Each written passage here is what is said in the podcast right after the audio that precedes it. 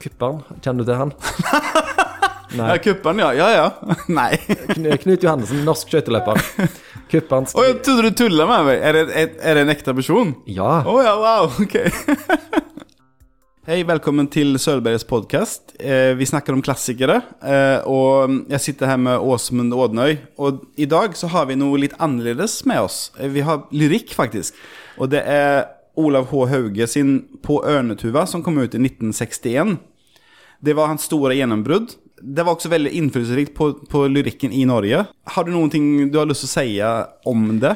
Ja, altså, sitter jeg her og skal snakke om lyrikk. Jeg er jo ingen stor lyrikkleser, det må jeg si. Um, og liksom å trekke fram Olav H. Haugen når vi skal snakke om lyrikk, det er liksom som å si at uh, at du setter på Beatles hvis du skal sette på musikk. Det er, det er, det er, ikke, enda, det er ikke VM i originalitet. Men um, jeg tror at jeg fikk øynene opp for Olav H. Hauge når vi leste han i nordisk eh, pensumet for eh, ti års tid siden, hvor vi fikk i oppgave å tolke et av de diktene som står i denne boka, som heter 'Til et Astrup-bilde', som er et dikt han har skrevet til et maleri, altså en kopi av et Nikolai Astrup-maleri som han hadde hengende i huset sitt i Ulvik. Em, og det tror jeg forteller litt om eh, mitt forhold til lyrikk, at det må være eh, Det må være noe litt eh, jordnært eller noe håndfast for at jeg skal kunne relatere meg til det. Og det gjør disse diktene. En, en kan jo fort tenke på Olav H. Hauge at det er mye sånn At det bare er naturbilder, at det er mye sånn vind og snø og refleksjoner om uh, vår plass i de store sammenhengene. Men jeg liker han best når han er veldig sånn nedpå og, Ja. og skriver om uh, Konkret? Konkret han dikter ut fra det bildet, om, Ja. om uh, hva, hvordan han leser det. For, for en av de spørsmålene jeg, jeg har skrevet ned her, er at han, han er gartner, utdannet gartner og aktiv gartner, og jobber med å dyrke, dyrke frukt. sant? Og om det merks i hans eh, poesi, da. Og det gjør det tydeligvis. Ja, han er jo eh, en sentral lyriker, som det heter, at han skriver om de der eh, tingene som er tett på det innerste i eh, følelsene våre. Men han eh, gjør det opp med en sånn friskhet som kanskje henger sammen med, med stedet han bodde på. På, på Instagram så har vi sånn eh, På Sølvberget sin Instagram så legger vi ut en gang i uken et dikt. Eh, og det diktet som overlegent har fått mest likes av det, er et eh, Olav H. Hauge-dikt. Okay. Eh, altså sånn ti ganger mer eh, likes og kommentarer. Og det er det der mest kjente Hva heter det? Det, det er den drømmen. Ja. Ja. Uh, og det er jo på en måte litt banalt dikt. Det er veldig tydelig, uh, og liksom det er ikke symbolikk, på en måte. Men det, det er jo veldig fint, og det er nynorsk som passer med et lyrisk språk i seg. Men uh, det er noe hos han som taler til mennesker, selv om de ikke er poesifolk, på en måte.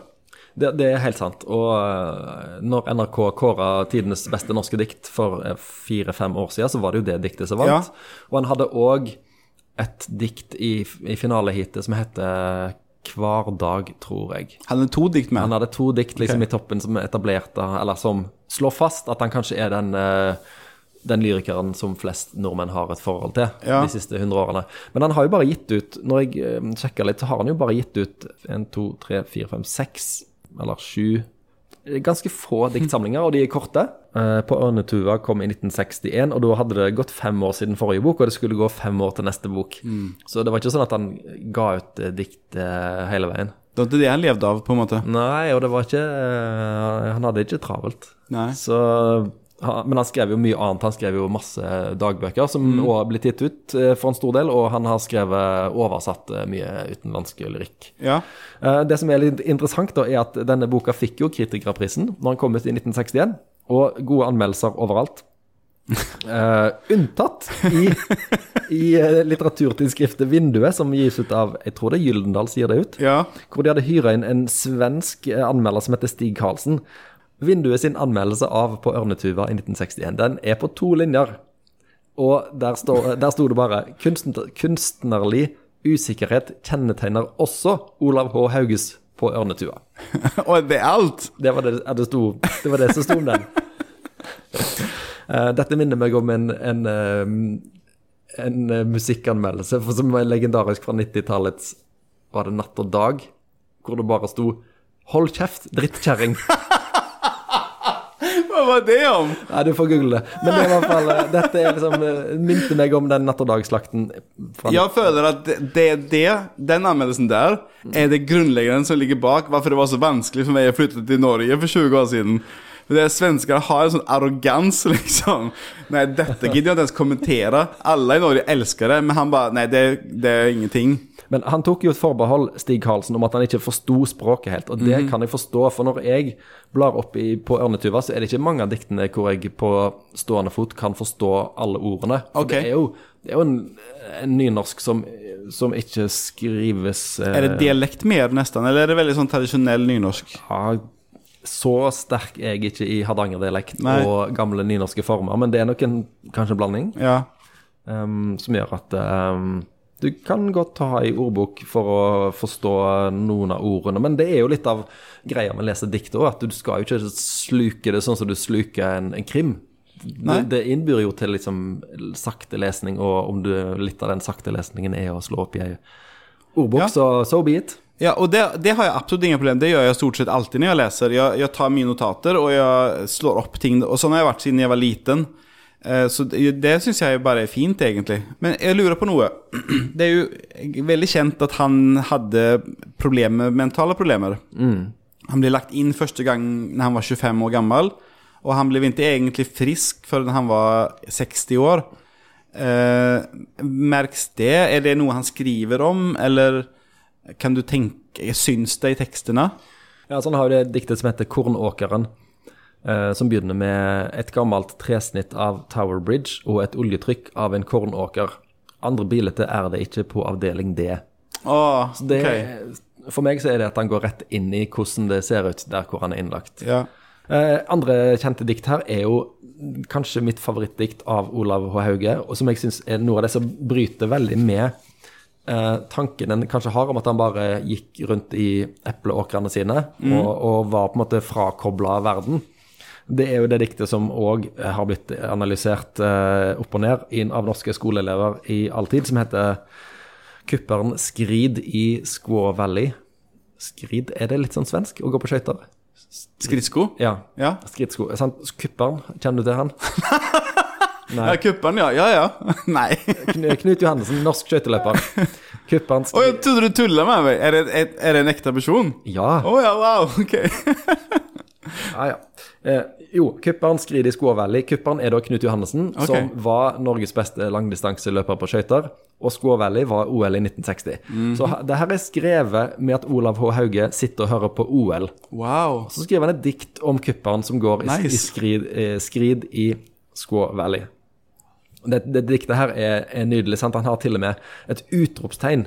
Eh, altså første, første del av diktet så står det så er det om at han har òg hatt keiser på beina da han var liten.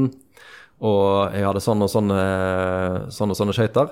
Og så bryter han det fortidsperspektivet med en setning så, som heter Men nå skrid kupperen i Valley! Utropstegn. Sant? Jeg syns det er fantastisk. Jeg er det er på en måte sånn Instagram-poesi. At han Ja. sitter der og hører på radio, og så, så skriver han dikt samtidig Ja. om det som skjer. Jeg har ikke tenkt å gå noen 10 000 meter. Eh, men ordet får en djervere sving, og hun mor griper fastere om staven. Altså, jeg må si at eh, han føles jo ekstremt tradisjonell, sånn urnorsk, på en måte. Men han det, Alt som er om han, er at han var veldig fornyende og, og banebrytende. Og det er jo typisk, liksom Det er ingen som skriver Det er ingen som kom på å skrive noe sånt. Det er jo kjempefint. Og det, det, det er sånn livet er. Det er liksom og, Neimen, se der, liksom. Det, han, er- kanskje det var TV, eller kanskje det var radio. Sant? Men liksom midt i hans epleåker så, så skjer noe sånn eh, verdslig. Ja, Fint. ja. Og, og samtidig så har jo dette diktet blitt tolka som eh, på en måte eh, kunstneren blir til. Han forteller om at eh, han, eh, når, han når han hadde skøyter da han var liten, så tok han de som hadde de største snablene, altså de mest sånn kunstferdige skøytene. Eh, mens andre valgte raskere skøyter. Okay. Ja. Men så blir han likevel fascinert av dette konkurransesamfunnets eh, utløp i form av OL. Ja. Så det er mange ting en kan lese inn i det, og det fungerer på, på mange plan, syns jeg. Jag tror du kan läsa ut av det att jag inte är en sportperson. Jag visste inte vad squawell var. Jag vet inte om han skjutaren var. Men, eh, men jeg har andre gode egenskaper. men vi, når, vi, när vi skulle begynne med denne sesongen av klassikere, så sa vi at vi skulle forsøke å ha litt andre, litt andre sjangere. Og da har jeg et par eh, science fiction, og du har poesi. da. Hva, hva var grunnen til at du valgte den boken? Hva var det som, at det ble poesi? Kanskje litt for å utfordre meg sjøl, selv, selv om det ikke er så utfordrende å velge Norges mest leste lyriker. Men ok, når jeg er så poesi-noob som jeg er, så Ja. tok jeg den. Men den aller eh, mest nærliggende grunnen var jo at den sto i bokhylla mi. Jeg arva den av farfar, tror jeg. Eller var det når farmor døde? Jeg husker ikke helt. Og så tenkte jeg, den må jeg jo finne i, i, eh, på Sølvberget. Det var umulig, gitt. Ja, den har vi ikke. På Ørnetuva av Olav H. Hauge. Hvis du har den hjemme hos deg sjøl, ikke kast den.